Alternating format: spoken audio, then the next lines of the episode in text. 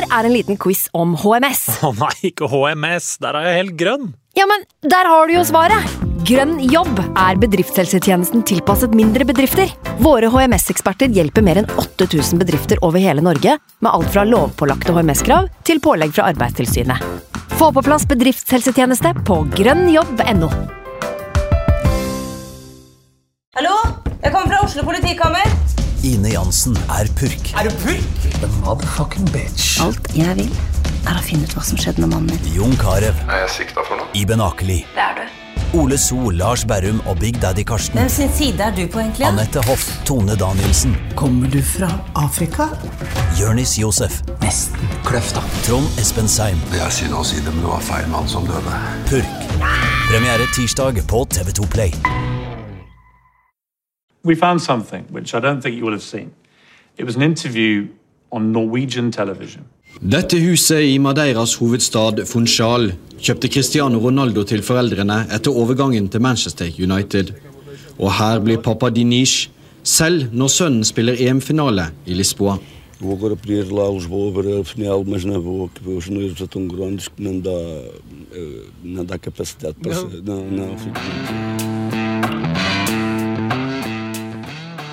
He treated me unbelievable. I was like the diamond of the family. And he knew it. He knew it that I will be a, a football player. And for me, it's uh, it's made me sad because everything.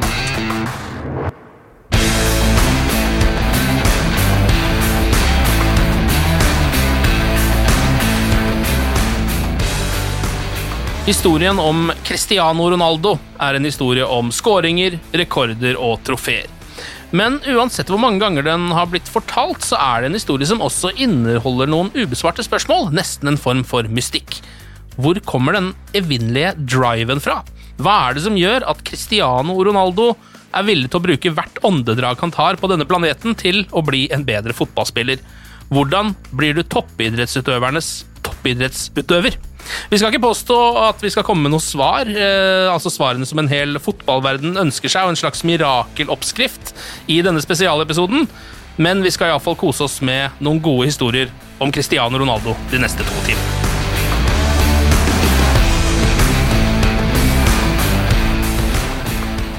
Eivind Brennholt Holt fra United.no, velkommen. Takk for det.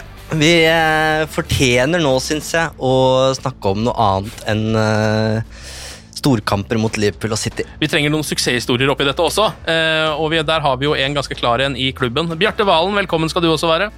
Tusen takk for det. Tusen takk for det. Vi må jo på en måte, Det vi skal prøve her, er jo å finne en ny måte å fortelle historien om Cristiano Ronaldo på. Eh, alle veit at han ga O'Shay migrene i Lisboa, at han debuterte med 1000 overstegsfinter mot Bolten, at han står igjen i dag da, som liksom supersymbolet på, på Fergusons beste lag. Um, så hvordan skal vi på en måte fortelle den historien her? Vi har jo snakka lenge Ken, om at vi, vi, må selvfølgelig lage en spesialepisode på, på Ronaldo. Ja. Eh, suksessen til Ronaldo er jo eh, altså I den eh, velkjente Ronaldo mot Messi-debatten så har har mange kritikere påpekt at uh, suksessen til Ronaldo er bygd på egoisme og personlige triumfer. Det er meg, meg, meg, mens Messi på en måte har vært det, kall det det ekte geniet som bare vil, vil spille fotball. Uh, og det er jo den derre sinnssyke driven som du viste til i, i introduksjonen her, uh, Ken, som vi skal prøve å, å sette litt ord på. Finne ut hva den hva den er. Hvorfor er det så viktig for Cristiano Ronaldo å alltid skåre flere mål, alltid vinne flere titler, flere priser? Um, og for å på en måte finne litt svar på hva den driven er, så, så, skal vi bruke noen av de som har vært rundt den. For Ronaldo ville nok aldri lyktes uten hjelp på, på veien her.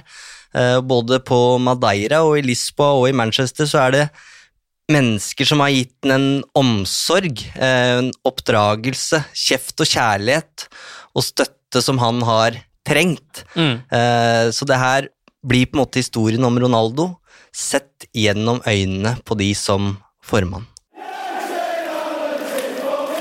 Og når man skal starte historien om Cristiano Ronaldo og alle som har vært med på å løfte den mannen helt til topps i fotballverden, da starter man på Madeira. Det er der det hele begynte. Um, Funchal, hovedstaden eh, på Madeira. Enkle kår. Vi har jo moren, Maria Dolores dos Santos Aveiro. Eh, hun har vi jo ofte sett i, eh, i, nærheten av Cristiano Ronaldo, enten på tribunen eller når hun jubler sammen med han. De to står hverandre veldig nært. Eh, men det var en tid hvor, eh, hvor, det var veldig tøft for henne eh, og familien. Hun emigrerte jo bl.a. til Paris og var kokk i et forsøk på å redde familien rent økonomisk. Dette var jo før Cristiano Ronaldo ble født. Men hun vendte tilbake igjen til, til barna hjemme på Madeira. Hun ble gravid med Cristiano Ronaldo. Skal ha vurdert om familien faktisk hadde råd til å få ekstra, et ekstra barn. Så tøft var faktisk kårene. Og fikk bl.a. et tips fra naboen om at hun burde drikke kokt, mørkt øl og løpe til hun svimte av. For kanskje det kunne terminere svangerskapet. Ja, eh, og løpet han svimer av, det er vel kanskje mer sånn vi har vært vant til å se Ronaldo, og kanskje ikke så mye moren. Men eh, Ronaldo-navnet i seg sjøl er jo litt, eh, litt artig, for det, eh, det stammer jo faktisk fra Ronald Reagan, da, den tidligere skuespilleren og USAs president, som eh, var faren sin favorittskuespiller, så han fikk jo et ord med i laget der. Og da kan vi jo snakke litt om José Dinis Aveiro, som er en veldig, veldig viktig eh, person i historien om Cristiano Ronaldo, til tross for sin manglende tilstedeværelse. Um, så han skal vi snakke mye om, og det er det klippet vi hørte i introduksjonen her, um, som får uh, Cristiano Ronaldo til å gråte i et intervju med, med Piers Morgan, hvor han får se TV 2-innslag der Eh, faren eh, snakker med TV 2 eh, utenfor sitt hus i, i, Portugal, som Ronaldo har, som har kjøpt til han. Og det syns jeg illustrerer veldig godt hvor viktig han har vært i, i livet til Ronaldo. And if you don't mind, I'd like to just play, of course. play you the clip, because I think you'll find it very interesting. Og en stolt far ser at sønnen nå er Portugals egen Askeland e e e fantástico. Very emotional for you. Never, I never saw the video.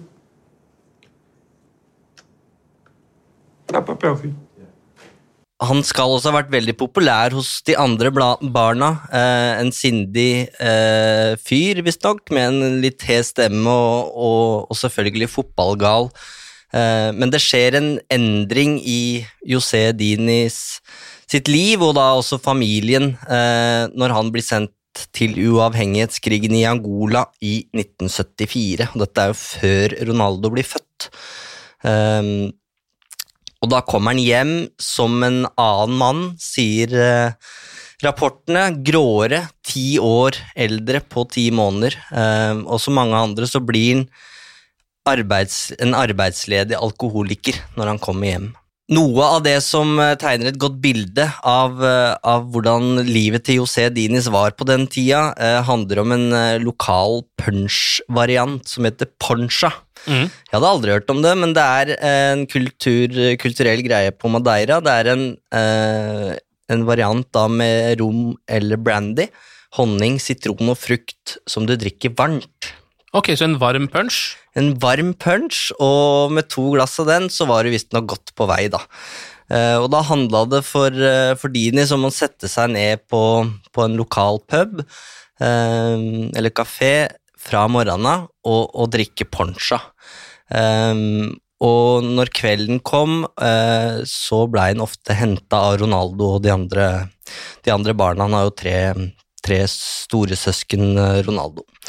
Um, så det er en trøblete tid da, for familien. Uh, for mens da moren prøver å få endene til å møtes, så, så tenker faren mest på, på den neste drinken. Mm. Og da ender han uh, Han får til slutt en jobb som materialforvalter i klubben Adorinha. Andorinha. Som, som, også er da Ronaldos første klubb. Litt usikker på hvem av de som var der først, men de er i hvert fall i, i samme klubb, da. Flere år seinere så har jo da Ronaldo gitt eh, faren sin drakta, som han eh, debuterte for, eh, for Manchester United i, og den selger jo da José Dinis for å få penger. Ja. Eh, og det var jo sånn Cristiano Ronaldo vokste opp. da, altså Mora var kokk, faren var jo gartner. Helt fram til han eh, dro til krigen eh, og sleit med å få seg jobb i etterkant. da. Men jeg føler det her er jo faktisk en sånn Det er jo den klassiske eh, hva skal man si, arbeiderklassegutt-historien. Arbeiderklassegutten som vokser opp under trange kår. Det er så, sånn at mora faktisk vurderer om han i det hele tatt kan komme til verden, for de har ikke råd til å ha han gående rundt der. Og det er han som da ender opp med å bli Cristiano Ronaldo. Det er det man på engelsk kaller gjerne et a broken home, og det, fotballen blir jo her på en måte Ronaldos eneste sjanse til å få et annet liv. Mm. Eh, altså Han har en alko alkoholisert far, eh, en fattig og overbelasta mor, og livet det blir altså jobbe på en fiskebåt og spille fotball i helgene, kanskje følge National, som er det lokale eliteserielaget på, på Madeira, uh, i ligaen, liksom. Mm. Det, det er det livet han var skissert. Um, men midt oppi det livet her så får jo lille Ronaldo lov til å drømme om å bli fotballstjerne. Han blir ikke holdt på å si, sendt på havet av sin mor for å, for å ordne penger til familien. Og det er noe med, med det du er inne på der, Ken, at om det kanskje Det knytter kanskje ikke um, tettere bånd, men i hvert fall noen annerledes bånd da, i en familie når du, voks, når du ikke vokser opp i et kall det møblert hjem der en iPhone og de nyeste fotballskoa fra Adidas er en selvfølge under, under juletreet. Så den derre drivkraften som vi skal snakke mer om i denne episoden her, og vi skal jo gjennom karrieren hans, men Den begynte der. Den, jeg tror den begynte der, og med en nesten besettelse at han ikke skulle bli eh, den faren eh, hadde blitt. Eh, Mm. og det er jo det vi ser i det, eller hører i det klippet der han blir vist intervju med faren, eh, hvor han sier at eh, han var jo på en måte familiens diamant, men faren fikk aldri se hvor god Ronaldo faktisk blei. For han døde jo da i 2005 som 52-åring. Ronaldo var i Manchester, og han forsøkte å, å redde livet til faren ved å ta han til et eh, sykehus i, i London, men det var, det var for seint. Jeg tror, eh, selv om vi nå er tidlig inne i episoden, at det, det her er noe vi skal ha med oss videre, at den påvirkninga til, til faren, den er har vært ufattelig viktig, og jeg tror det forklarer noe av den der perfeksjonismen til Cristiano Ronaldo. Altså at ethvert svakhetstegn da, som han viser, det, det tvinger fram en bekymring eller en påminnelse om hvem han ikke skal være. Og Derfor så tillater han seg aldri å bryte ut av den der supermenneskebobla der det ikke skal drikkes alkohol, det skal spises så mange, eh, så mange gram proteiner hver time osv. Mye av det vi snakker om i denne episoden her er henta fra Ronaldo-boka til GM Ballagé. Eh, Vi tok kontakt med den spanske journalisten, og det å få ham til eh, et studio i Norge var kanskje litt vel ambisiøst, men fra Spania så skal GM bidra med sine betraktninger rundt de største spørsmåla. Om farens påvirkning sier han at farens manglende tilstedeværelse definitivt har vært med på å gjøre Ronaldo til den han er. I don't think his death had anything to do with his shape as. But of course, he has been a source of frustration because he wanted his dad to come to London uh, to a hospital, a specialist hospital, much earlier, which he didn't. By the time he did make it to London, it was too late. Um, but it's the absence of his father what made him what he is, and the absence of his mother. His dad uh, goes to war in Mozambique as a 19-year-old, comes back, you know, with with the mind shaken, uh, becomes eventually an alcoholic who doesn't want to move from from of where where he is. Uh, Ronaldo cannot, you know, fall asleep unless he feels his father nearby. So sometimes he picks him up from the bar, but generally he's, he's an absentee father. And the same the mother who had to go and work. But sports psychologists say that when that happens, um, there's no frame to frame your education, but also to limit your education and your dreams without the impositions of parents that are so good to grow up as a, as a balanced individual. You, um, you also can become Ronaldo. That is somebody that doesn't think there is a limit to what he can do, and uh, but at the same time always in search of devotion that, and perhaps in my eyes, the love that was missing in his in his life when his parents were absent. Akkurat farsrollen er jo eh, ganske relevant akkurat nå igjen. Cristiano Ronaldo har jo tvillinger på vei, eh, og det blir vel da til sammen Har ikke han et par tvillinger fra før? Jo. Altså, det, han har jo stått på, det har han jo. Han har vel seks unger nå? Cristiano. Jeg mener det er eh, det, og, og også der så er det kan vi, vi kan stoppe litt ved hans egen familie også. Han har jo eh, Cristiano junior, som nå spiller for Manchester United. Um, vi har Wayne Rooney junior, holdt jeg på å si. Kai er også der, så det kanskje vi får et nytt Rooney og Ronaldo spisbar etter hvert. Uh, men det er jo en mystikk rundt den sønnen, uten at vi skal dvele altfor lenge ved det. Så er jo spørsmålet hvem, hvem er hans mor, osv. Ja. Um, og jeg syns det er interessant å se hvor synlig familien til Ronaldo har vært gjennom hans karriere. Uh, Bjarte nevnte moren Dolores, som, som, alltid er på tribunen med masse følelser. Uh, han har hjelpa broren, som også har sleit med rusproblemer, og som nå har fått ansvaret for Ronaldo-museet på Madeira. jeg tror han har lovt søsteren at han skal være med å synge på hennes neste plate. Al altså, det, er, det vet jeg ikke om vi trenger, men det, det er en sånn uh, en familie med veldig sterke bånd, åpenbart, og, og jeg syns de er veldig synlige, og det gjelder jo også uh, hans egen familie, og da kanskje først og fremst på hans Instagram-konto, hvor han har et par følgere. men det er interessant der også, syns jeg, å se det virker i hvert fall som, uten at vi har vært på besøk eh, i, hos eh, familien Ronaldo, som at han har en enorm omsorg da, for barna sine, eh, og at han, eh, han eh, har et veldig, er veldig bevisst på at han ikke skal være samme eh, farsfigur som hans egen far. Ja, og det gir jo mening, samtidig som det jo er litt paradoksalt. Eh, fordi det er jo faren til Cristiano Ronaldo eh, som ved akkurat den væremåten og det livet han levde, som jo ikke var helt perfekt på noen som helst måte, men som gjorde at Cristiano Ronaldo ble Cristiano Ronaldo. Mm. Eh, og da verdens beste fotballspiller, i hvert fall i perioder. Mens Cristiano da sannsynligvis prøver å eh, bringe opp sine barn helt totalt fullstendig. Da er det jo ikke sikkert de blir Cristiano Ronaldo, men det er kanskje like greit. Tolv år gammel så reiser jo da Cristiano Ronaldo til eh, Lisboa, um, og da har han jo da funnet ut at han har talentet, og det er mulig å satse på fotball.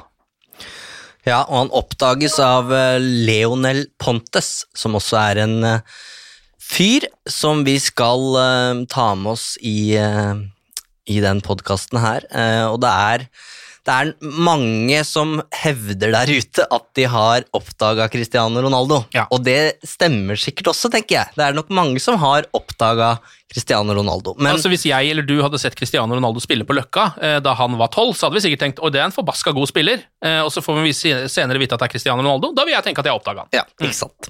Men eh, Leonel Pontes er i hvert fall han som eh, beviselig tar med seg Ronaldo fra Madeira til, eh, til Lisboa. Um, og bare for å Jeg måtte bare sjekke, eh, for Madeira er jo en, en sånn vulkansk øy Ja. som faktisk ligger nærmere Afrika enn enn Portugal. Ja, Um, også litt sånn har jeg skjønt Hva skal man si? Det er litt sånn eh, Altså, eh, hvis man kommer fra Madeira, så blir man ofte mobba av folk fra resten av Portugal, fordi man har så tjukk dialekt, og man er liksom ikke ordentlig portugiser, osv., osv. Jeg måtte bare sjekke da, hvor mange fotballspillere er det som har kommet fra Madeira. Jeg fant én som jeg kunne navnet på. Han heter Danny og spilte for Zenit i noen år. Husker Eh, så vidt han, ja. Og han flytta til Madeira fra Venezuela som 15-åring, så det er ikke ei øy som har for vane å produsere store fotballtalenter. Nei. Men Pontes han var fra Madeira selv, eh, og han var en del av speidernettverket til Aurelio Pereira. Eh, og han, altså Aurelio Pereira, gjorde det samme for Sporting-akademiet som Ferguson gjorde for United på samme tid.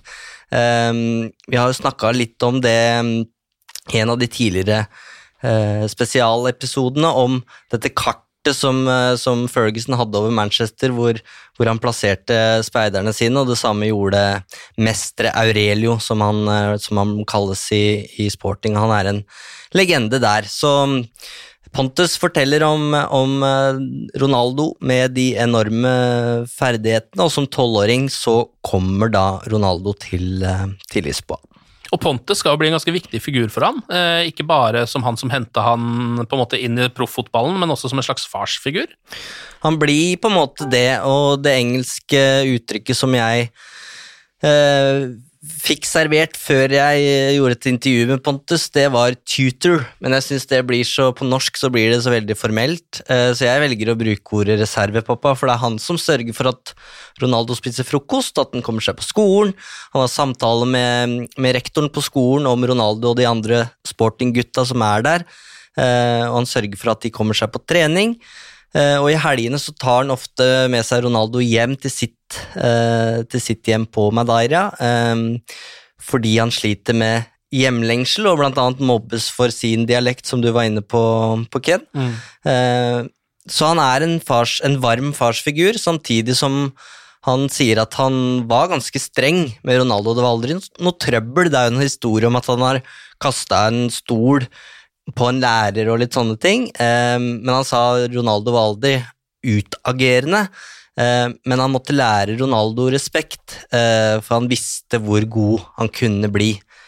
Det var litt eh, på en måte en tidlig utgave av det Ferguson skulle bli seinere, kanskje? Ja, en både varm, men også fryktelig streng farsfigur. Mm. Men jeg, jeg, tenker jo ofte det at sånn som han eh, Lionel Pontes her, det er jo en, sannsynligvis en fyr som har betydd mer for Cristiano Ronaldo enn det jeg tror noen er klar over. Fordi at akkurat som du er tolv år gammel, du kom til en ny plass. Eh, tolv eh, år gammel, da er, du, da er, du, ung, altså. Da er du ekstremt ung. Og det var jo, det var jo eh, slik at altså, moren til Cristiano, eh, Maria, hun, hun, gråt jo veldig ofte, selv etter at Ronaldo hadde stor suksess i United, selv etter at han hadde stor suksess i Real Madrid, selv etter at han hadde stor suksess med Portugal, vant EM, alt dette her. For det, det ble hele tiden en påminnelse for hun om den gangen hun lot sønnen på bare tolv år få lov til å reise hjemmefra for å jage den proffdrømmen. Og hadde han havnet i feile hender, eller hos en som ikke var så ansvarsbevisst som Leonel Pontes på Madeira, så kunne jo denne historien her fått et fullstendig annet utfall. Eh, så den rollen han spilte for å forme en ung Cristiano Ronaldo, den tror jeg nesten aldri kan bli overvurdert. Nei, det tror jeg du har rett i, Bjarte. fordi um, hvis man har sett noen, uh, eller fått med seg noen historier om store fotballspillere, så kan det gå alle mulige veier. Og det jo, handler veldig ofte om folka som er rundt deg, spesielt når du kommer til et nytt sted som ung. Du kan til og med være litt eldre. altså Bare se på hva som skjedde med Diego Maradona mm. da han gikk til Barcelona og så videre til Napoli. Han hadde litt dårligere folk rundt seg, uh, og derfor uh, endte han på en helt annen vei. Ja, Du kan på en måte se for deg at Ronaldo hadde endt med å ta første ferje hjem til Madeira uten, uh, uten Pontus. Og den sporting uh, oppveksten her, det handler liksom litt om gategutten som skal profesjonaliseres. Uh, og det er utvikling som står i sentrum. Det er kosthold, treninger, ambisjoner. Han har en enorm selvtillit. Sier til alle rundt seg at 'jeg skal bli den beste', bare, bare vent og se. Eh, det er en lærer som eh, har blitt nesten kjent i etterkant fordi hun fortalte Ronaldo på, på det tidspunktet at fotball kommer ikke til å gi deg penger til mat. Mm. Uh, hun har jo måttet unnskylde seg overfor Ronaldos mor flere ganger. Men samtidig som den utviklinga her finner sted, så har han også hjemlengsel. Han, har, han har, hadde nok ikke bra, rett og slett. Han gråter aldri åpenlyst i garderoben, men alle var klar over at Eh, Ronaldo hadde hjemlengsel og syntes det var vanskelig i, eh, i, Lisboa. Så uten de riktige menneskene rundt seg, så kunne nok han fort ha reist hjem igjen. Fem år etter at han eh, kommer til Lisboa, så debuterer jo Cristiano Ronaldo i Primeira Liga, altså da den øverste ligaen i Portugal. han er 17 år gammel, og så kom jo da den mye omtalte treningskampen mot Manchester United. Og treneren hans eh, er ikke et kjent navn, og det er et vanskelig navn. Laslo Boloni, en fyr fra Romania, som eh, seinere faktisk skal trene Rafael Varan ja. i eh, Lance. Men når Ronaldo selges etter hvert der, så er det Fernando Santos, dagens Portugal-trener, som, som, er der. Um, men ja, vi, um, vi, kan stoppe opp litt ved, ved den tida her i sporting. Uh, det er noen historier som illustrerer den der drivkraften som vi kommer til å snakke om litt i dag. Uh, og Pontus forteller at han var i Han var eh, i treningsstudio og trente sjøl på akademiet der, og plutselig så kommer Ronaldo inn, og da lurer Pontus på hva som Hva gjør du her? Du har jo nettopp trent. Nei, han, han skulle trene mer, og, og legger da vekter på føttene sine mens han gjør finter på gulvet. Ja. Eh, og det er jo for å trene opp de, de, små musklene i føttene som gjør at han skal, skal bli enda raskere, enda mer eksplosiv til å, til å drible. Eh, og det det ender med da, på det tidspunktet her, så snakker vi om en 14 år gammel Ronaldo. Han sniker seg da inn på den gymmen her på natta, så de må installere lås. Så han ikke skal få lov å trene på natta? Så, han ikke skal snike seg inn. Uh, Fernando Santos har en lignende variant hvor han sier til Ronaldo at du må, du må bli bedre på headinger. Uh, luftspillet ditt må bli bedre. Dagen etter så kommer han inn, skal, skal trene laget, og der står fire-fem sportingspillere og slår innlegg, og foran mål så står Ronaldo og, og trener på headinger. det her er jo det bildet vi et kjent bilde av Ronaldo, som Gary Neville og Paul Scholes og disse også forteller om fra, fra Carrington. Og, og, det er førstemann hit, og det er førstemann dit, og nå er jo, her er jo, på den tida her er jo Ronaldo en, en guttunge. Eh, og det er en historie fra, fra Lisboa om at han, han pleide å Han hadde en strekke i, eh, i byen Lisboa hvor han eh, stoppa, eller han sto og venta på at bilene skulle stoppe på rødt lys, og idet det blir grønt, så spurter han, for da har han kappløp med bilene for å, for å, bli raskere. Han skulle bli like rask som uh, Thierry Henry. Han skulle løfte like mye som Andres Cruz, som da var en førstelagsspiller i sporting på den tida. Han skulle løfte like mye som han i benk, 90 kilo. Det tror jeg han uh, klarte etter hvert. Det er jo òg en, eh, en, litt interessant historie fra René Møllenstein som han har fortalt oss en gang om at han kommer veldig tidlig på jobb på Carrington en gang. Eh, sitter på kontoret sitt, og så ser han at det driver og rasler ute i buskene eh, bak det ene målet. Og han tenker med en gang at her er det noen inntrengere som har klart å komme seg forbi gjerdene, og, og, varsler eh, sikkerhetsvaktene. Som da eh, har all verdens med kamera og kan begynne å peile inn og sjekke ut hvem er dette her, hva er det som skjer her. Og så kommer kontrabeskjeden da til René Møllenstein like etterpå at det er verken en innbruddstyv eller noen dyr, det er bare Cristiano Ronaldo som har dukket opp litt tidligere på trening enn resten av uh, gjengen. De var et par timer unna ennå, men han er allerede i gang med å trene frispark og finter og avslutninger. Det sier alt egentlig om den driven han hadde til å, å kunne bli best. Ja, Spesielt eh, siden han også må jobbe mot alle klubbene sine her. Det er jo ingen av de som vil at han skal trene på disse tidspunktene. De låser han ute, og det er ikke lys, og de sender inn politiet hvis han gjør det, men allikevel, der står han og skyter frispark. Og han er jo en litt sånn idétyv, som er det, et, et, uttrykk som Guardiola har brukt. brukt. Altså Han kopierer jo på en måte ting han ser, triks han ser, og så perfek perfeksjonerer han det. Og det er interessant, for jeg leste Bjarte, at han på Carrington så han, pleide han å begynne bak en haug som er på treningsfeltet der, som, er, som gjør at du kan stå litt i fred. Og Det er sikkert den haugen eh, Moilensten har sett eh, bevegelse bak. Eh, for han begynte der, hvis det var overstegsfinter han skulle øve på, f.eks. Og så tok han det til trening når han var komfortabel med det. Og så kanskje i en enkel match mot Blackburn, og så kunne ta det mot uh, når Liverpool var på besøk, uh, f.eks.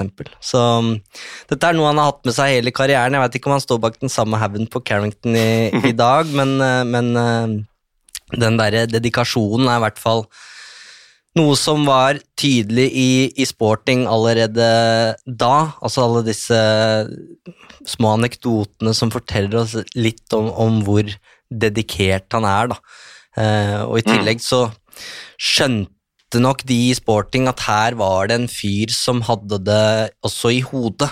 Det, eh, fortelles en uh, historie om at Eh, den første treninga Ronaldo skulle ha i Sportingakademiet, den ble avlyst, så de ble sittende på en uh, tribune, og der skulle visstnok U19-laget til Sporting møte nettopp United. Um, og Istedenfor å bli sittende og se på, så går Ronaldo ut på banen eh, og blir med og, og varme opp. Han klarer sikkert ikke å la være, ikke sant? Mm. Og da blir jo han selvfølgelig attraksjonen for alle som er på, på, banen der og ser ok, her er en fyr med, med ferdigheter. Nå skal vi høre hvordan GM setter ord på den kraften som driver Cristiano Ronaldo? It's a lot of things, and it's not just hard work either. You have to have a mentality that says, "I want more and more and more," while you know you and me will will be happy in step five of that ladder, and he's in step twenty and still wanting more. I think that's something you get born with. Um, I don't know if anybody has identified a gene, but it feels like some people are like are made like that. Eh, Så han har altså sneket seg ut på banen for å spille mot en utgave av Manchester United allerede, Cristiano Ronaldo. Eh, Men det er jo en ganske så spesiell kamp i hans uh, historie, og etter hvert også i Manchester Uniteds historie, som man kanskje ikke visste hvor viktig var der og da, men de møtte jo uh, Sporting i 2003.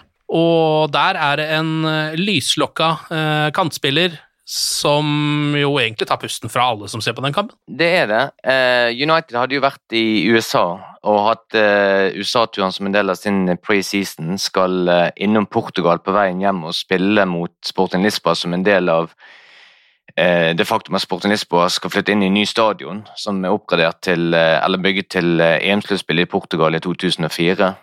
United vet allerede om Cristiano Ronaldo. Det er ikke sånn at det kommer som et sjokk på de at det er en god spiller på eh, Sporting Lisboa som heter Cristiano Ronaldo. Eh, Arsenal har vært ute etter han. Eh, men den kampen mot United, det er den som får Ferguson til å agere. og Flere av spillerne har jo senere sagt at når de så hvordan han herjet med en stakkars John O'Shay som fikk migrene, rett og slett, som Ferguson har beskrevet det, eh, så sa de til han vi må, vi må, eh, vi må hente denne spilleren. Eh, Men som Ferguson selv har sagt senere, det trengte jeg egentlig ikke spillerne til å fortelle meg, det kunne jeg se med egne øyne. Og Ferguson han eh, går sporenstreks opp til Peter Kenyon, daværende United-sjef, som sitter på tribunen og ser kampen, og rett og slett sier at eh, denne spilleren her, vi må ha underskriften hans. Og dette her er jo på en måte Ferguson et nøtteskall. Ta de riktige, kloke eh, avgjørelsene når de trengs. Jeg husker Brian McClair sa en gang til meg at det viktigste med Ferguson som manager, det var at han var i stand til å ta de riktige avgjørelsene eh, ni av ti ganger. Det var en helt unik egenskap hos Ferguson. Jeg husker hvordan Lee Sharp fortalte at eh, Alex Ferguson kjørte gatelangs rundt i Torki for å jakte på, eh, på Lee Sharp etter en kamp de hadde spilt, fordi at han skulle ha underskriften hans før noen andre kunne eh, slå til. Og dette ble jo et sånt eksempel hvor eh, Ferguson rett og slett ga Peter Kenyon en klar instruks. Vi drar ikke herfra før vi har fått underskriften til Ronaldo. For å gjøre en relativt lang historie ganske kort. Eh, United de vinner den dragkampen om Ronaldo, selv om eh, Arsene Wenger og Arsenal var eh, veldig interessert i han. Det er synd at den Amazon Prime-serien ikke fulgte United akkurat på det tidspunktet, fordi det tror jeg er Jeg tror det var noen scener i løpet av de timene der etter, eh, etter kampen mot Sporting som ville vært helt fantastisk å Ja. få på lerretet. Um, for når Ronaldo, eh, eller når United er i, i, sport, i Lisboa, så, så er jo egentlig Ronaldo på vei til Arsenal. Um, men United, eh, om det er Ferguson som sier det, er jeg usikker på, men det sies jo i hvert fall at vi drar ikke herfra før vi har signert Ronaldo. Så det blir noen timer der med intense forhandlinger, og Mike Feelen har fortalt at han hadde fått beskjed av Ferguson om at ja, nå må du, nå må du bare dra ut tida litt i garderoben. Så han bruker lang tid på å liksom dele ut uh, mat uh, som skal, uh, spillerne skal få etter match. Og spillerne skjønner liksom, hva, hva er det du surrer med, liksom? Kan vi ikke bare gå i bussen og komme oss hjem? Nei, eh, her skal Ronaldo signeres. Så hele, i de forhandlingene så blir det også fortalt at det, det lå i korta da at um, Ronaldo eh, ville nok signere for United, men han kom til å bli lånt til Sporting igjen og spille der i, i en sesong. Og når han seinere reiser til Manchester, så hadde han jo ikke pakka for å flytte. Han hadde pakka for å signere kontrakten og reise hjem igjen, og hadde regna med at han skulle få, få um, samme draktnummer etter hvert som han hadde i Sporting, altså 28, men uh, isteden så sier Ferguson du skal ingen steder, du skal bli her, og du får nummer sju. Mm. Og det eh, er jo et ganske sterkt signal, det. Um, det er jo ikke så rart at uh, Ronaldo da til slutt uh, ender opp i Manchester United. Leonel Pontes, altså mannen som uh, tok han med til sporting, blir med på reisefølget, er på treningsfeltet i to uker for å overvære at alt er som det skal, og så er det jo ny reservepappa som tar over. I called Cristiano, come, come, come here. The most for you is your career. It's not money at the moment. And thanks God, Sir Alex Ferguson came and he told me, George, leave it with me. You will come now with me, and at least you will play 50% of the games, I promise you. And was the key. He started in Manchester with 18 years old. This is the story. Nothing is impossible, my friend. Og Cristiano Ronaldos nye reservepappa, han heter Jorge Mendes. Eh, for en stakket stund, iallfall. Han blir jo da agenten. Blir eh, Ronaldos døråpner, kan man kanskje si, til det europeiske markedet eh, og storklubbene der ute. Ja, han er jo seinere blitt omtalt som superagenten, og ingenting Ronaldo gjør utenfor banen, holdt jeg på å si, skjer uten at Mendes har en finger eller to med i spillet. Eh, men på dette tidspunktet her så var Jorge Mendes en agent som var helt i startgropen av sin eh, agentvirksomhet. Eh, den aller første dealen som han faktisk hadde gjort, var jo så langt tilbake som i 1996. Faktisk den gangen han solgte Nuno Espirito Santos.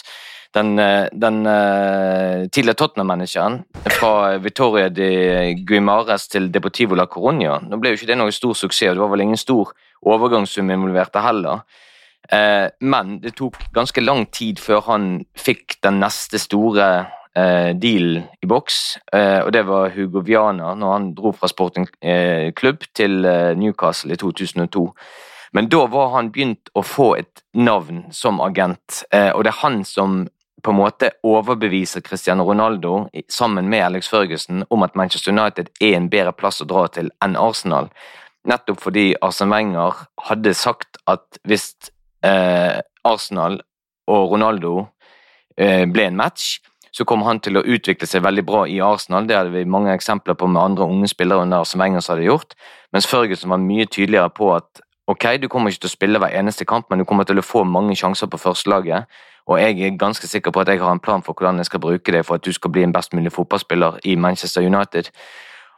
På grunn av de eh, formaningene både fra Ferguson og Mendes, så ble det ikke så veldig vanskelig for eh, Ronaldo å takke ja til United. Og så kan vi se hvem er egentlig denne Mendes. En, en agent som eh, Ferguson hadde veldig mye til overs for. Han har jo senere sagt at Mendes var den agenten han kom desidert best overens med. Ikke minst fordi at Mendes både var en agent som representerte spillerne sine på en veldig god måte, men òg var veldig ryddig i forhold til klubbene som eh, var involvert i forhandlinger og overganger. Og så kan du si at eh, Hvis du ser Mendes, ser du en, en, en dresskledd agent eh, som fremstår med stil og eleganse. På mange måter kan du si at han er Mino Royola sitt motstykke eh, i forhold til det at han, han holder all, alle avtaler han, han eh, inngår.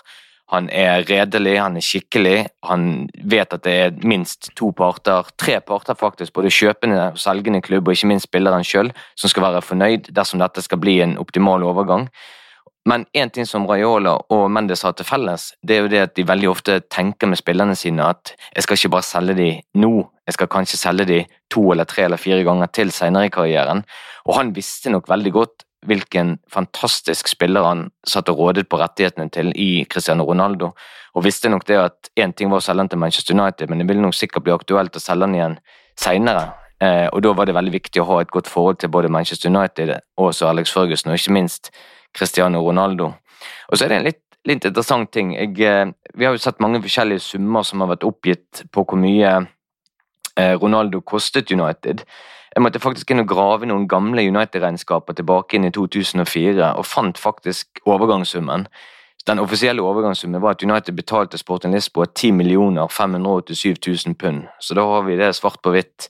Eh, så er det et par tilleggsklausuler, men det var òg en ganske bra dag på jobben for Jorge Mendes, for han får 1,129 millioner pund for den jobben, altså ca. 1,3 millioner pund det er vel på den tiden der rundt 15 millioner kroner for å gjøre kanskje det som var det letteste jobben omtrent i hele verden, nemlig å selge Ronaldo til Manchester United. Men som lå han skjønte jo noe som Ronaldos uansett. første agent ikke skjønte, og det var jo hvilken klient han hadde. Eh, José Veiga var den mektigste agenten i Portugal på det tidspunktet. Det var han som hadde tatt Figo fra Barcelona til Real Madrid, og han hadde, hadde Ronaldo eh, fra starten. Men han skjønte jo åpenbart ikke hvilket talent han hadde på, på lista si. Jeg prøvde å google navnet hans eh, i dag, og det, det dukker liksom ikke opp noe, så han har tydeligvis på en måte forsvinner litt. Um, men Mendes tar jo tre spillere fra Veiga. Ronaldo, um, som han da selger til, uh, til United. Hugo Viana, som du nevnte, Bjarte, som også endte i Premier League, i, i Newcastle. Og Ricardo Cuaresma, som endte i Barcelona, var uh, Ronaldos erkerival i sporting. De var sånn virkelig eh, nemesis. Altså, det var så dårlig stemning mellom de to at det, det var helt giftig, visstnok. Eh, Det kan jo være litt interessant å se på uh, Jorge Mendes da, og akkurat hvor avgjørende han har vært for Ronaldo uh, sin karriere. Hvis man har sett på i den, uh, den offisielle Cristiano Ronaldo-dokumentaren som han har betalt for sjøl, Mm. får man i hvert fall inntrykk av, så um, får man jo et veldig godt inntrykk av Mendes. Eh, For han framstår jo For det første så er han der absolutt hele tiden. Altså Han er eh, på Cristiano Ronaldo 24-7. Og jeg vet jo at Jorge Mendes har andre klienter, men det virker ikke sånn noen ganger. Eh, Og det er vel ikke noe tvil om at den viktigste han har, er Ronaldo.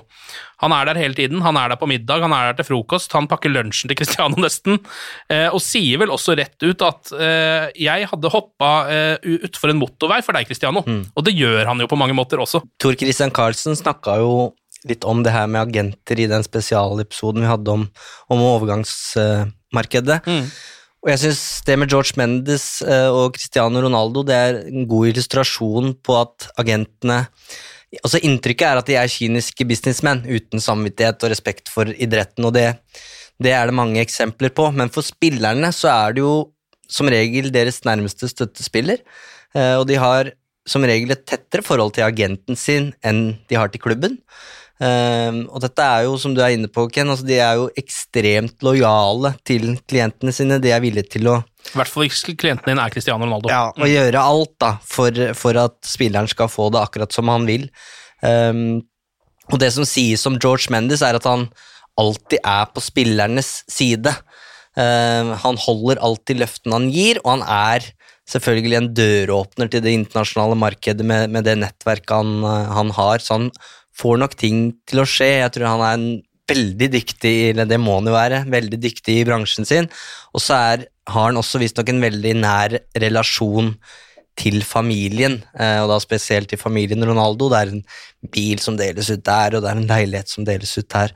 Så han, han er han er veldig godt likt, um, og jeg hørte i et intervju Ronaldo gjorde med Det er det samme intervjuet som, uh, som jeg henviste til her nå, med, med Piers Morgan, hvor han sier at det er fire personer i verden jeg stoler 100% på. Og det er ganske få, uh, egentlig. Um, og jeg lurer på om George Mendes er en av de. Uh, det kan han godt være. Um, og han er jo på en måte agentenes Ronaldo, nesten. Altså, det er ingenting som overlates til tilfeldighetene i, i universet til Mendes. Og så virker han jo Eh, som en, også, han er jo, virker som en ganske som du sier, nær venn av familien, men også en Mm. på ekte genuint nær venn av Cristiano Ronaldo. Da, da jeg tror liksom eh, Mendes er den første Cristiano Ronaldo inviterer i bursdagen sin. Mm. på en måte.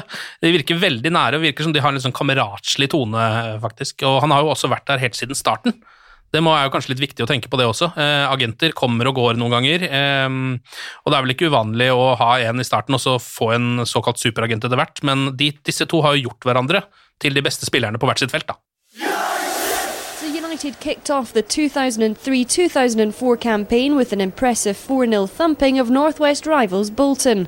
The Old Trafford faithful also got to see the first of many stepovers from Portuguese whiz kid Cristiano Ronaldo. He's only had a couple of days training with you, but it's a long time probably since you've seen a debut like that at Old Trafford, isn't it? Marvelous debut. It was unbelievable. Da beveger vi oss over til eh, det som vi alle har gleda oss til. Eh, Fordi nå er Cristiano Ronaldo på plass i Manchester United, eh, og vi kan ønske velkommen til farsfigur nummer Blir det tre eller fire i rekken? Sir Alex Ferguson. Ja, og kanskje den viktigste. Um, og han føler seg nok veldig ivaretatt, um, Cristiano Ronaldo, når han kommer til Manchester United. Og Ferguson har jo sagt til Mendes at will take care of him. Um, men når Ronaldo kommer inn i garderoben, så kan det jo Så er det kanskje ikke en, den samme varme velkomsten. Dette er jo en en gjeng som har god erfaring med å eh, mobbe, kall det modellene i garderoben. Altså David Beckham? For eksempel. um, og det er Han får gjennomgå for genseren. Uh, det er et speil som ender opp i garderobeskapet hans på et eller annet vis. Det er flere varianter der, om det var Phil Neville som satte det inn, eller om han satte det inn sjøl, men det blir i hvert fall brukt, dette speilet som, som Ronaldo har i skapet sitt. Er du mer more mer more no, I understand. Are you, are you confident? I understand, sorry. Gary, he's looking confident anyway, Gary. Yeah, he is confident. He's uh... yeah, you're man of the match. Well done. you go. Til tross for at han får kjørt seg litt i garderoben, så, eh, så bruker han jo ikke veldig lang tid på å eh, vise seg frem på, på feltet. Eh, og det, det, er jo en artig historie som eh, tidligere eh, venstrebacken i United, Lee Lawrence, forteller i siste utgaven av United-supporter når jeg snakket jeg, jeg tror du må eh, fortelle hvem Lee Lawrence er, for tidligere venstreback er ikke dekkende i den sammenhengen her. Nei, eh, vi, skal, vi, skal, eh, vi, skal, til eh, United sitt eh, lag som ble FA Youth Cup-mestere i 2003. Eh, og der var han en faktisk ganske viktig brikke, og det er litt artig å tenke på, sammen med nåværende United-keeper Tom Heaton, som riktignok var reservekeeper den gangen der, men det sier litt om om hvor gammel som både Tom Heaton og, og Cristiano Ronaldo er blitt. Ja. Men Ronaldo han kommer jo til eh, United eh, som, et, som, et, lite sånn eh, eh, hva skal du si, klapp på skulderen til et par av disse her ungguttene som hadde vært med å vinne FA Youth Cup. Så fikk de lov å være med på den treningsleiren med United til statene og til Portugal. Eh, og når de da kommer tilbake igjen fra Portugal, så er det kun én ting de snakker om. Og det er denne uh, unggutten som United skal kjøpe, Cristiano Ronaldo. Uh, det er det eneste de snakker om. Teknikken hans, fintene, alt sammen. Uh, og Lillorens tenker da at ok, jeg skal nå i hvert fall ønske han velkommen på min måte. jeg er en no nonsense venstreback, knallhard, fysisk tøff.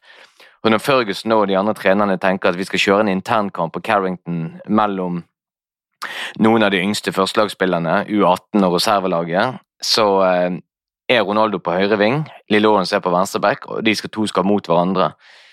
Og Veldig tidlig i kampen så eh, får Lawrence muligheten til å sette inn en susende takling på Ronaldo, og tenker at ok, nå skal jeg ønske velkommen til England, sånn som kun jeg kan, og sette meg i respekt. Han setter inn en susende takling. Eh, Ronaldo ser hva som er i ferd med å se. Han bare vipper ball over han, hopper elegant rundt han. Og mens eh, Lee Lawrence nesten seiler ut av banen, så eh, trikser Ronaldo bare et par hakk frem og knaller ballen rett i mål. Og han sa det at Én ting hadde vært hvis de andre lagkameratene hadde kjeftet på meg, men de sto faktisk bare og lo. og eh, tren, Trenerteamet inkludert. Og han sa det da gikk jeg rett bort på sidelinjen og ba om å bli byttet ut, for det er det mest ydmykende jeg har vært med på i hele mitt liv. Ja, Han blir jo tatt på alvor på treningsfeltet, og det største komplimentet er vel kommer vel fra Roy Keane, som skriver i boka si at han skjønte at Ronaldo kom til å bli en av verdens beste spillere. Selv om han kommer aldri til å si det høyt. Men når det kommer fra Roy Keane til en eh, fyr som Cristiano Ronaldo, um, da veit du at det er eh, kvalitet. Og det får vi også se i debuten mot uh, Bolten. Etter at eh, Cristiano Ronaldo har gjort unna sin Manchester United-debut, så begynner jo da de samme historiene å dukke opp som vi har vært innom tidligere, eh, fra sportingtida hans. Cristiano Ronaldo står alltid igjen på trening. Han står igjen på treningsfeltet, er den siste som går.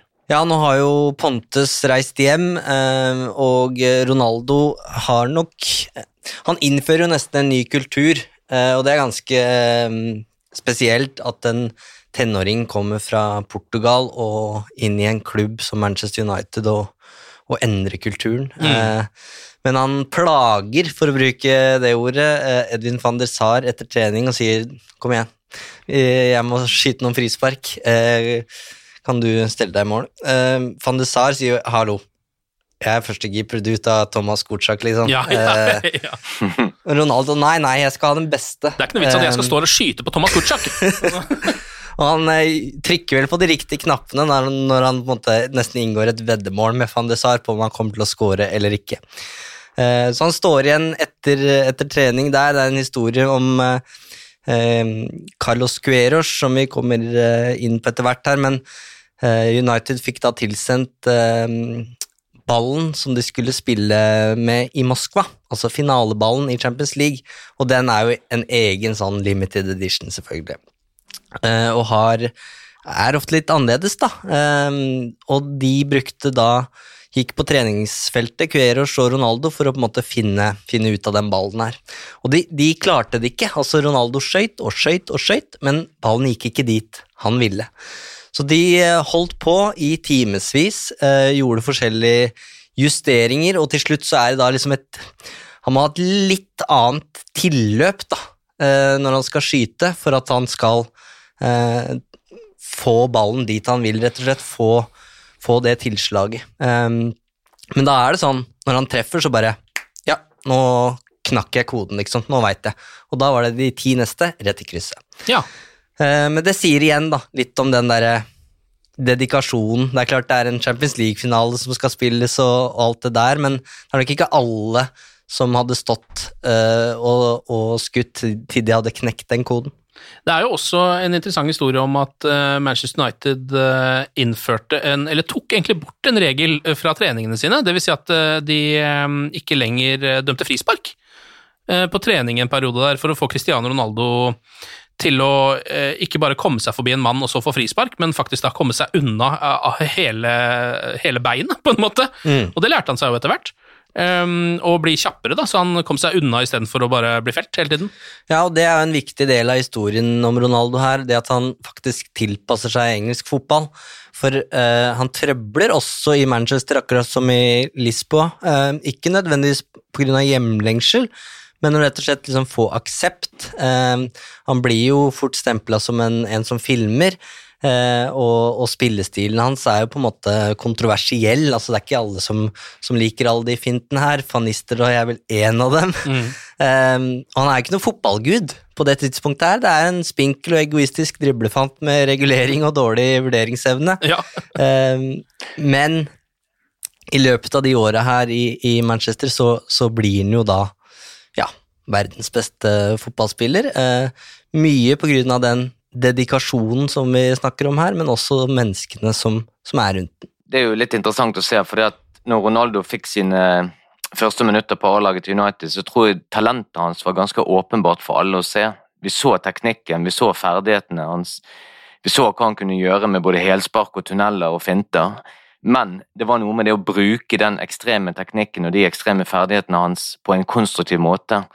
Det var ikke noe poeng i å drible den samme spilleren to eller tre ganger. Det handlet om å komme seg fortere frem i banen. Det å være, ta de riktige avgjørelsene. Det å forstå hva som egentlig krevdes av en spiller i Manchester United. Eh, og der fikk jo eh, nederlandske Rellen Mollenstein en, en ganske viktig jobb. Eh, og da går vi tilbake til den sesongen når United blir best både i England og i Europa, nemlig i 2007-2008. Da begynner jo den sesongen ganske dårlig for United. Spiller blant annet uavgjort borte mot Portsmouth tidlig i sesongen, og Cristiano Ronaldo blir utvist helt på tampen. Da skal han ha eh, ganske lenge spillefri før han skal i aksjon igjen for United, og det gir Rene Møllenstein en mulighet til å jobbe sammen med Cristiano Ronaldo, både på treningsfeltet, men ikke minst faktisk i, i, i klasserommet på Carrington. Og det Rene Møllenstein gjør, han setter sammen en video av de beste skåringene til flere av spissene i United, van Nistelrooy, Solskjær, det var vel Cole og York. Eh, og så viser han den videoen til Ronaldo, og spør Ronaldo hva er det du sitter og ser på her. Og Ronaldo svarer vel noe sånt som mange mål. Eh, og Møllenstein viser han videoen en gang til, og han vil at, han vil at Ronaldo sjøl skal se hva det handler om. Og det det handler om, det er jo en Ruud van Nistelrooy som alltid dukker opp på rett sted til rett tid inn i boksen, som timer dette helt perfekt. En Solskjær som er ekstremt klinisk og god til å treffe mål når han får avslutningsmuligheter. Om samspillet mellom Dwight York og Andy Cole, som av og til ender med at en av de triller ball i åpent mål fordi at de har plassert seg og kombinert helt fint frem til det, det du nesten ikke kan bomme på, på mål. Eh, og det de rett og slett eh, Eller René Mollenstrøm måtte forklare til Ronaldo, det er det at hvis du skårer et såkalt stygt mål, for å sitte litt i gåseøynene, så teller det like mye som et frispark som dingles i krysset fra 25 meter. Du må rett og slett bare lære deg å bli mer kynisk og ta et mål for det det er. Alle mål teller. Og du må rett og slett lære deg å skåre flere stygge mål, hvis jeg kan si det sånn. Og nå er det jo ikke akkurat det vi kjennetegner, eller eh, forbinder med Cristiano Ronaldo i Manchester United men vi ser en gradvis tilvenning der han er flinkere til å dukke opp returer fra keepere, han er flinkere til å dukke opp på bakerste stolpejern, han er flinkere til å lukte situasjonene. Uh, og den fotballklokskapen som han på en måte fikk banket inn i seg på denne tiden, her tror jeg er noe som har fulgt han faktisk nesten helt frem til dags dato. Det med å kunne lese spillet inn i boksen på en helt unik måte, som har gjort at han har kunnet endret seg fra å være en sånn playmaker med et ekstremt stort eh, arbeidsfelt på banen, til å bli en ganske sånn kynisk, klassisk nummer ni-spiss med en helt unik timing inn i boksen. Jeg husker det ganske godt. At det skjedde en endring i spillet til Ronaldo, og det var det som på en måte tok han fra å være den der klassiske drible, ineffektive driblefanten da, til å bli han som kunne dra seg inn fra, fra, fra kanten og bare smelle ballen i mål med pur vilje, på en måte. Det så så enkelt ut, da. Mm. Uh, men det handler jo om det der fysiske klokkespillet til Ronaldo som er i spill, da. Som, som gjør det umulig for motstanderen å, å komme tett innpå og ta fra han ballen. Men jeg husker at uh, det var liksom I begynnelsen så var det alt skulle gjøres så flott, mm. mens på et eller annet tidspunkt så, så blei det den der klassiske dra seg inn fra kanten og smelle den i hjørnet det ble på en måte hans varemerke, og tok hun fra hva skal jeg si, 15 mål til 40. Da. Og Det er jo eh, litt interessant egentlig å tenke på, fordi det der er jo ikke en vanlig utvikling for en fotballspiller. Altså, eh, Vi som har vært heldige nok til å følge veldig mange unge talenter eh, som har spilt for Manchester United, så man ser på eh, noen av de eh, Paul, Ta Paul Scholes, da, for eksempel. Eh, glimrende mm. fotballspiller, veldig god da han var ung, enda bedre da han var eldre. Mm. ikke sant? Og det som skjedde, var at han hadde noen kvaliteter. Han var, var veldig god ballvinner, aggressiv, god til å takle, eh, en fantastisk pasnings- og skuddfot. Den var ganske bra, og så ble den veldig bra, og så ble den helt vilt bra. Mm. Og Det var liksom utviklinga til Paul Scholes. Det var ikke sånn at han plutselig begynte å nikke, eller plutselig eh, la på seg 20 kilo, eller plutselig begynte å skru frispark fra eh, hjørnet av 16. Det skjedde ikke, men det skjedde med Cristiano Ronaldo. Han gjorde om altså sånn Han hadde ikke den vanlige utviklinga. Han var ikke bare sånn Ja, han var en rask ving, nå er han litt treigere ving. Det var ikke det som skjedde med han, liksom. På ingen måte. Det er det vi var litt innom her. De der ideene han stjeler. Han bygger på en måte spillet sitt stein for stein, da. Mm. Uh, og har uh, blei jo til slutt en, en komplett uh, fotballspiller. Og for å dra en annen sammenligning, da, for eksempel en Danny Welbeck, som også var et vanvittig talent. Husk på det første målet han skåra mot Stoke der, banka ballen i krysset fra 20 meter. Men han hadde jo ikke de samme strengene å spille på, det var helt åpenbart, og bare noe så enkelt som det å som, som det Moilenstein lærer Ronaldo her, da. Altså det å, å score stygge mål, bare plassere ballen rolig i hjørnet. Mm. Bare det nådde jo ikke inn til Welbeck, med all respekt for han, så mm. blei jo det det store problemet at han skulle chippe over Manuel Neuer, mm. Paul Trafford, istedenfor bare trille den i mål. Um, og, så, så en ting er at Ronaldo bestemmer seg for alle de her prosjektene om at ja, nå skal jeg bli nå skal jeg bli eh, like god på huet som Vidic, men det at han faktisk liksom Han mestrer alt han prøver på da. Det er, det er, eh, det er jo det som gjør denne historien her så unik. Absolutt. Og så det som du sier, Ken, altså du dro frem med Paul Scholes som et eksempel. da. Eh, nå er det sikkert de som vil si at Paul Scholes han mistet kanskje litt av evnen til å takle, i hvert fall time-taklingene på slutten av karrieren. kanskje, kanskje. Men, men, eh, men eh, han, han, videreutviklet spillet sitt som gjorde at han kunne holde det gående eh, kanskje en god del lenger enn hva hvis han hadde for spilt i, i, en annen klubb. da. Eh, Nikki Butt er et godt eksempel, som ble en mye dårligere fotballspiller etter at han forlot United eh, og fikk karriere i bl.a. Newcastle eller Birmingham. Altså, han kom aldri opp på det nivået, han klarte aldri å bli dominant i en annen klubb. Nå er jo Paul Scholes en mye bedre fotballspiller enn Nicky Butter, men hvis du ser på eh, Paul Scholes og f.eks. Ryan Giggs òg, som, som, måtte spille på andre strenger senere i karrieren og utvikle en annen del av spillet, eh, så hadde de fotballklokskapen til å kunne gjøre det. Eh, mm. de skjønte hva som måtte til for å holde seg på toppen lenger. Eh, men i tilfelle Cristiano Ronaldo så er det jo liksom Giggs måtte løpe kanskje mindre og være mer sentral med ballen enn han hadde vært tidligere. Det samme med Paul Scholes, mens Cristiano Ronaldo måtte bare rett og slett være ekstremt god på en annen måte, eh, der han fikk utnytte sine ekstremferdigheter på en sånn måte at eh, selv i en alder av 36 år så er han en av verdens absolutt beste spisser, i hvert fall en av de beste avslutterne. Og det er egentlig helt, det er nesten sånn at du, du, du bryter alle fysiske lover. Det skulle nesten ikke vært mulig, men han, men han er det da. fremdeles likevel. Det er helt, helt ubegripelig, egentlig. Dette er altså en eh, United We Podcast spesialepisode om Cristiano Ronaldo, og ikke minst alle de menneskene som har vært viktige for ham, som har gjort han til den han er den dag i dag. Og da er det jo eh, en mann man må innom, en av de viktigste i karrieren hans, eh, og det er vår alles skotske far, sir Alex Ferguson. En ting er når vi sto i det der, men når vi ser tilbake på det i dag, så tenker jeg i hvert fall at det er ganske unikt at en skotte i 60-åra når inn til en portugiser i tenåra på den måten der. ja, altså, de skulle ikke ha så mye til felles i utgangspunktet, men, men uh, det blei et vennskap som, uh, for, for, resten av livet. Um, Man ser jo bare på det hvor rørt begge blir når de støter på hverandre den dag i dag. Uh, det er jo noe helt spesielt. Det er et bånd mellom de to, selv om jeg ikke tror de har så jevnlig kontakt som man kanskje skulle håpe. Mm. Og man har jo hørt om um, eller sett klippet fra EM i, i, 2016 når Ferguson står og venter der som en stolt bestefar, mm. uh, og Ronaldo kommer ned trappa der, um, og vi ser gleden i, i ansiktet hans. Um, og Ferguson skal jo da ha ringt Ronaldo ifølge rapportene nå i, i, sommer og bare sagt 'don't go to City'. Ja.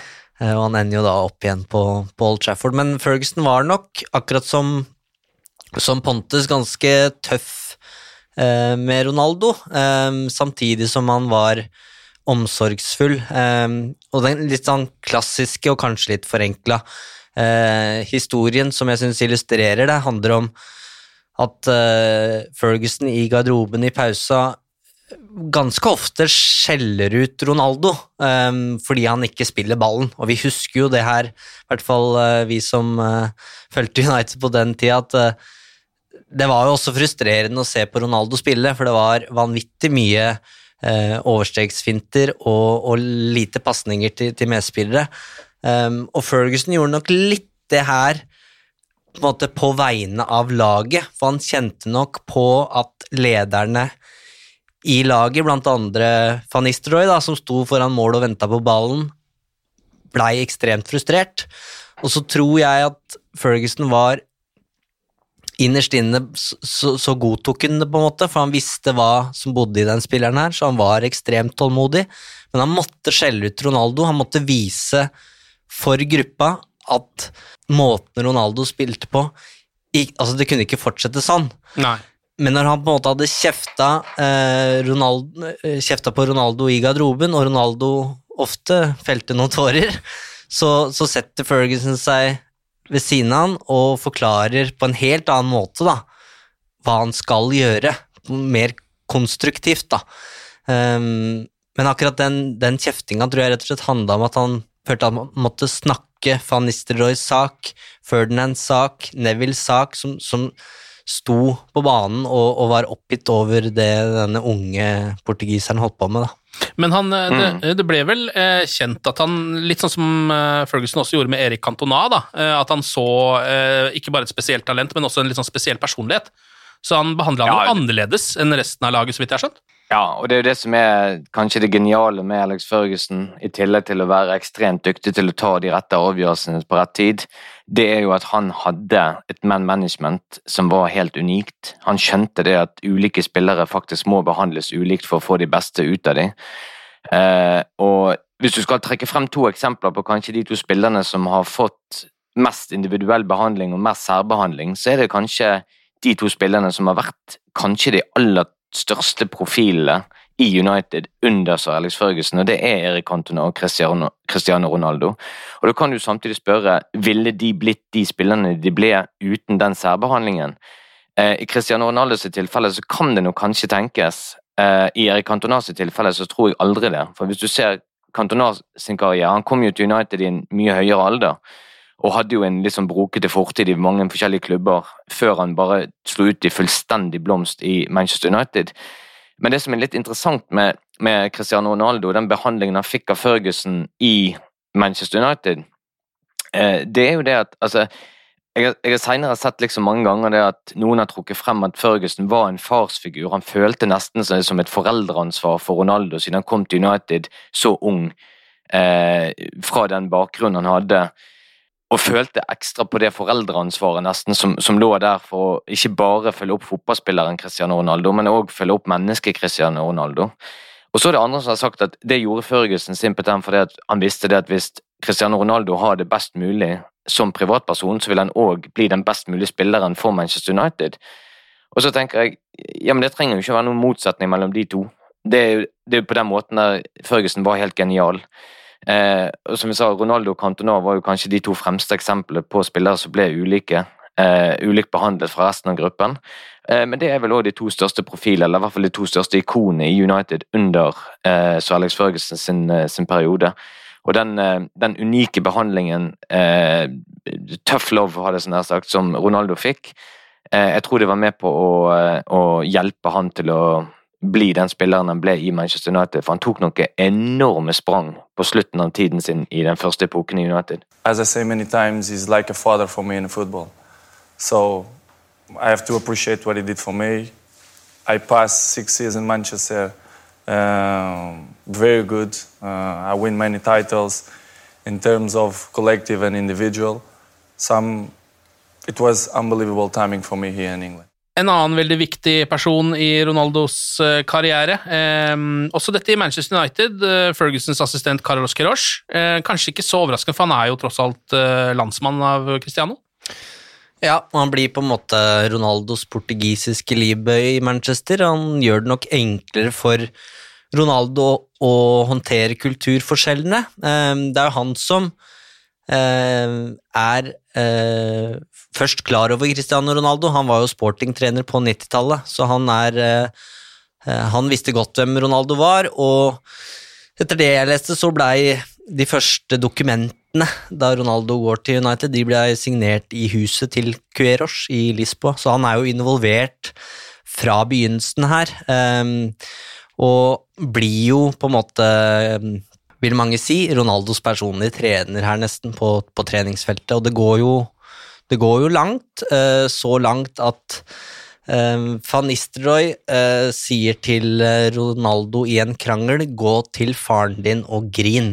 Ja, og da er det Queros han skal til. Da er det Queros han, eh, han eh, sikter til, og det, det her har jo også vært noe som på en måte har fulgt Ronaldo litt gjennom karrieren, som vi ikke har eh, vært innom eh, ennå, men i, i eh, Portugal så blir den jo, får han jo fort kallenavnet Grinungen eh, som, eh, som ungdom, fordi han, han begynner å sutre og feller tårer når han ikke får ballen. Og det er jo det, Når jeg sier det, så, så går jo tankene liksom litt tilbake til 18-årige Ronaldo i Paul Trafford òg. Du, du husker de ansiktsuttrykka han satte opp der? Ja, ja, ja. Det var noe av det samme. Eh, og han er vant til å Han er nok har nok på en måte vært vant til å få det som han eh, vil på fotballbanen, eh, og, og sånn sett kanskje litt vanskelig å forholde seg til som, som lagkamerat. eh, og når han får da Carlos Cueros som en slags forsvarer da, i United-garderoben der, så er nok det litt problematisk for, for enkelte lagkamerater. Og så ender jo det her til slutt med faktisk at det er Van Nistelrooy som, som stikker til Real Madrid. Mm.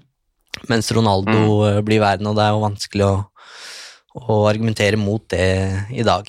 Vi får vel skylde vår nederlandske storskårer van Nistelrooy den rettferdigheten at han faktisk eh, en del år etter at han forlater Manchester United, tar opp telefonen og ringer til Sir Alex Ferguson ut av det blå en dag og ber om unnskyldning for måten han oppførte seg på, både mot United og ikke minst Ronaldo. Så eh, Ferguson og han har i hvert fall skværet opp siden. Og så Ferguson sa han satte alltid pris på en som kunne klare å komme tilbake inn og si unnskyld, selv om det tok sin tid. Så han ringte ikke Ronaldo? Nei, han gjorde ikke det. det var, han hadde sikkert ikke nummeret hans. Et par andre eh, folk i Manchester United-garderoben som jeg har inntrykk av at var ganske viktig for eh, Ronaldo i denne fasen her, det er jo eh, Nani, hans landsmann, eh, og ikke minst Andersson, eh, som jo snakker samme språk eh, som Cristiano Ronaldo, altså portugisisk. Eh, og de kom jo også samtidig til klubben. Så det, jeg fikk liksom inntrykk av at det var en liten trio en periode der, både på godt og vondt. You, you're a little bit disappointing because you come on and you touch only one time in ball. Contente por tocar, não tocar na bola, mas o time está de parabéns pela vitória.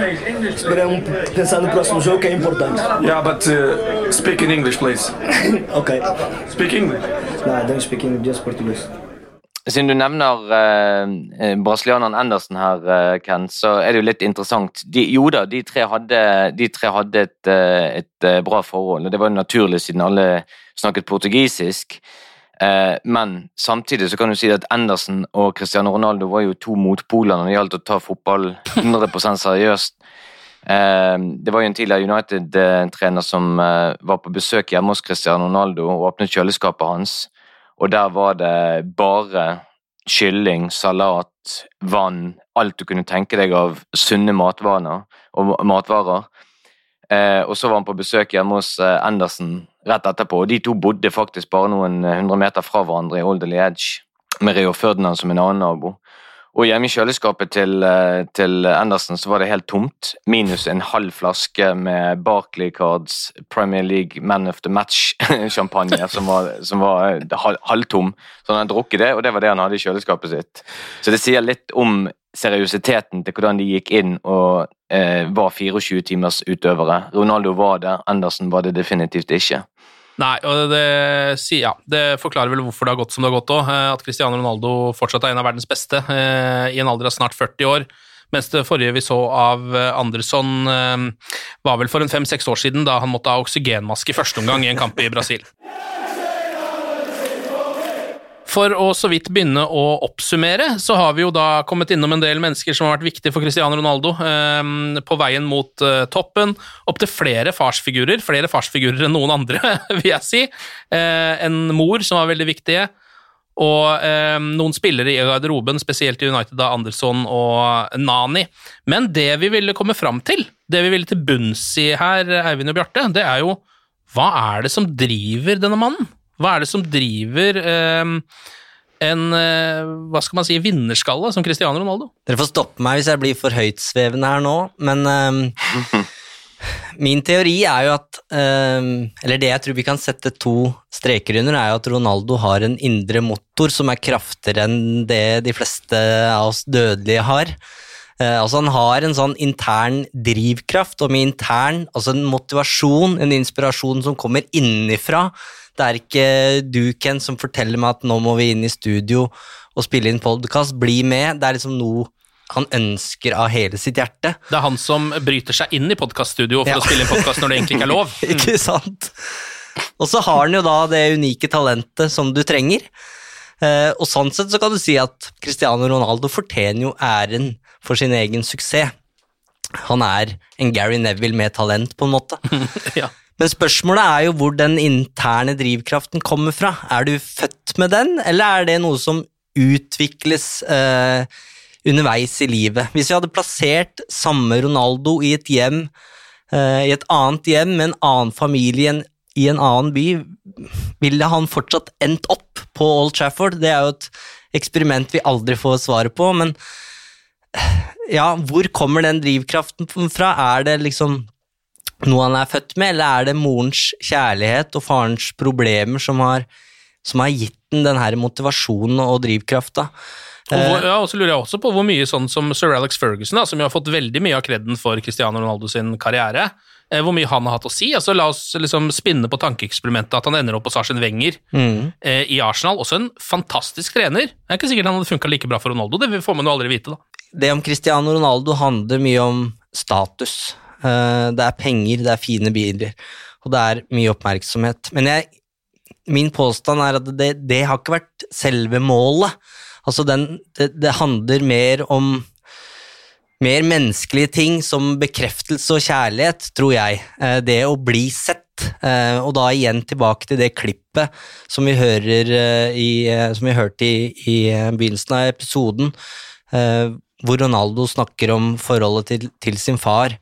Eh, Og det at han aldri fikk vise faren sin hvor, hvor god han blei. Uh, og jeg syns jo tårene i Moskva er et veldig godt eksempel. Eh, han har da scora i kampen, men bommer på straffesparket. Eh, og når van de Saar redder det siste eh, straffesparket til Chelsea, så er det jo kameraene, eller i hvert fall noen av kameraene, retta mot Ronaldo. Uh, og i, du ser det i slow motion uh, der, altså ansiktsuttrykket hans, lettelsen. Uh, han faller jo på en måte bare ned i gressmatta, ligger på ryggen, eller ligger på magen med, med blikket ned i, i gresset, og, og tårene triller.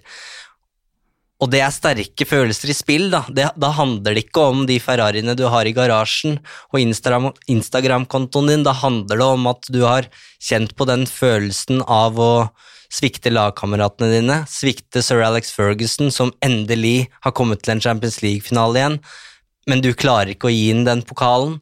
Uh, og han visste jo da også sikkert at han, han hadde jo da et ønske om å dra til Real Madrid, ville ikke avslutte karrieren i Manchester United på på den måten, så jeg mener at drivkraften her handler om andre ting enn penger og status.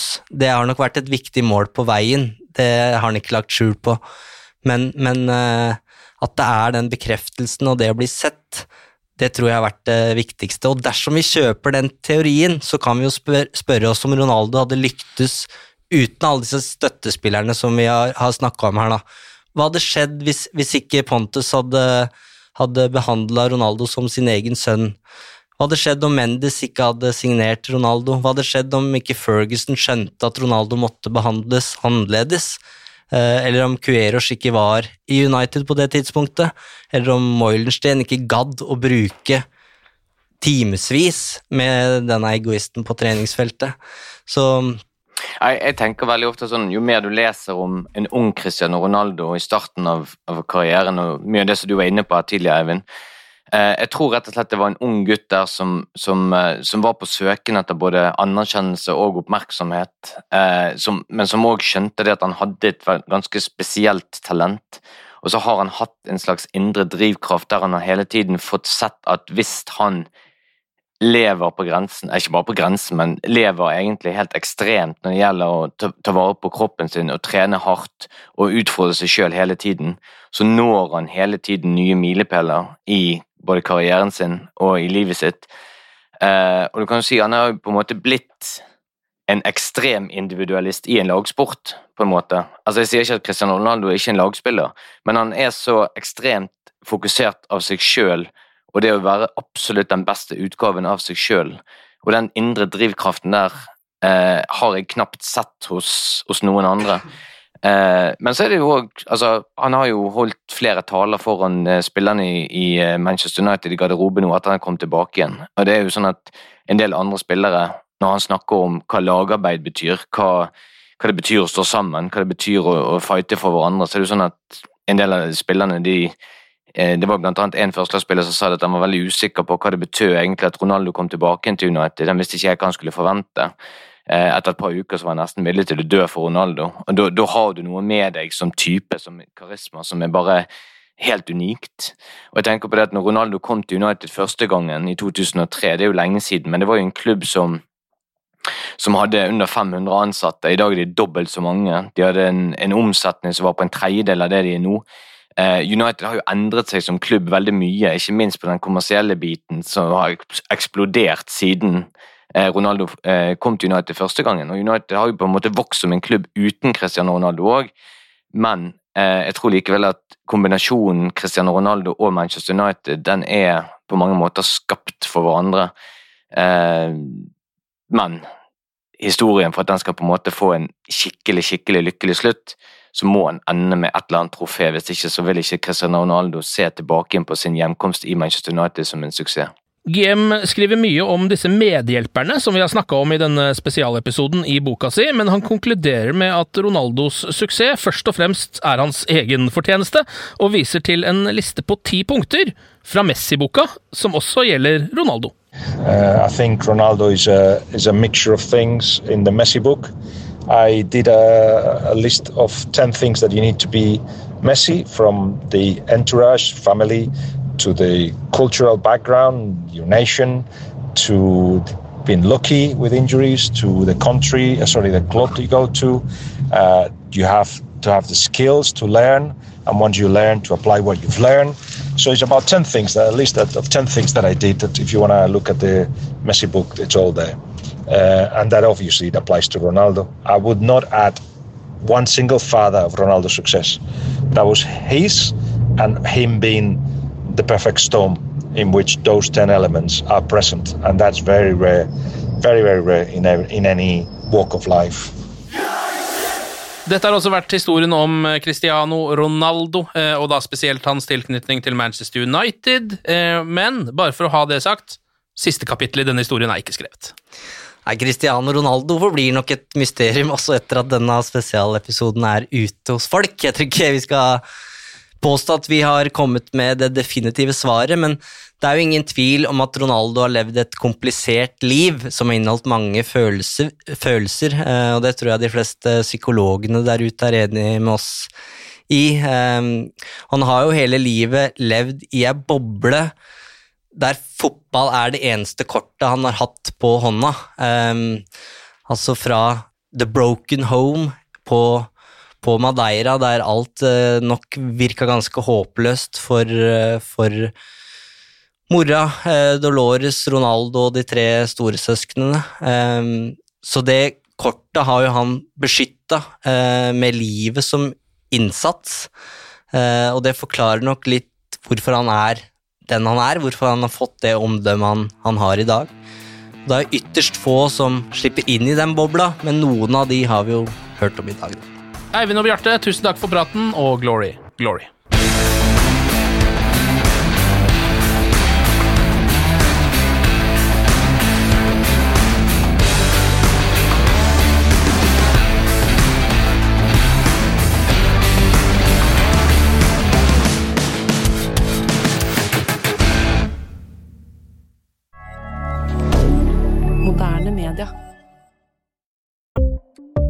Ukens annonsør det er matkasseleverandøren Hello Fresh. Der kan du velge mellom 25 ulike oppskrifter hver uke, eller få Hello Fresh til å sette sammen en meny for deg. Jeg sparer tid på å handle, oppskriftene er veldig enkle å lage, og så får jeg akkurat det jeg trenger da, til hver eneste rett, så jeg slipper å kaste så mye mat som jeg vanligvis gjør. Det er også litt deilig å faktisk slippe å gå på butikken, ikke bare fordi det er tidkrevende og sånn, men fordi man ender opp med å kjøpe så mye greier som man egentlig ikke trenger, sånn som fire poser eh, Smash og en kick med havsalt, eksempel. Det er ikke det du egentlig er der for, du er der for å kjøpe, kjøpe middag. Så det er en veldig eh, kjekk ting. I tillegg så er det jo eh, ferdigporsjonerte ingredienser, det blir mindre matsvinn, og du betaler bare for det du faktisk trenger, og det du faktisk da spiser. I tillegg så blir det da levert på døra til et fastsatt tidspunkt, sånn at du kan få det akkurat når det passer for deg eh, sjæl. Hvis Hello Fresh høres ut som noe for deg, så har jeg en rabattkode du kan bruke også. Gå inn på hellofresh.no og bruk koden HelloUnited24. HelloUnited i ett ord, også 24, og få opptil 1779 kroner i rabatt på de fem første matkassene dine hvis du ikke har prøvd Hello Fresh ennå. Du kan også bruke koden hvis du tidligere har vært kunde, men har stoppa abonnementet ditt for tolv måneder siden eller mer. Det er ingen bindingstid, og du kan pause eller avslutte abonnementet ditt akkurat når du selv måtte ønske. Husk koden HelloUnited24, og bon appétit! Ukens annonsør er Folio, en smartere banktjeneste for deg som har en egen bedrift eller ønsker å starte for deg selv. Folio er en superenkel nettbank for bedrifter. Som kunde i Folio får du en bedriftskonto med et bedriftskort og app. I denne appen er det smarte løsninger som forenkler regnskapet ditt, uansett om du har en liten bedrift eller et enkeltpersonsforetak. Folio er både intuitivt og brukervennlig, og er laget med et enkelt språk. I tillegg tilbyr de forutsigbare priser og ingen skjulte gebyrer. Skulle du likevel trenge det, så kan du snakke med deres raske og hyggelige kundeservice, og der får du prate med en faktisk person og ikke en chatbot. Folio er med andre ord både enklere og koseligere enn banken. Over 10 000 bedrifter har allerede valgt Folio som sin banktjeneste, så besøk folio.no og se hvordan Folio kan forenkle din hverdag også. Har du et enkeltpersonforetak eller en liten bedrift? Da er du sikkert lei av å høre meg snakke om hvor enkelt det er med kvitteringer og bilag i fiken, så vi eh, gir oss her, vi. Fordi vi liker enkelt. Fiken superenkelt regnskap.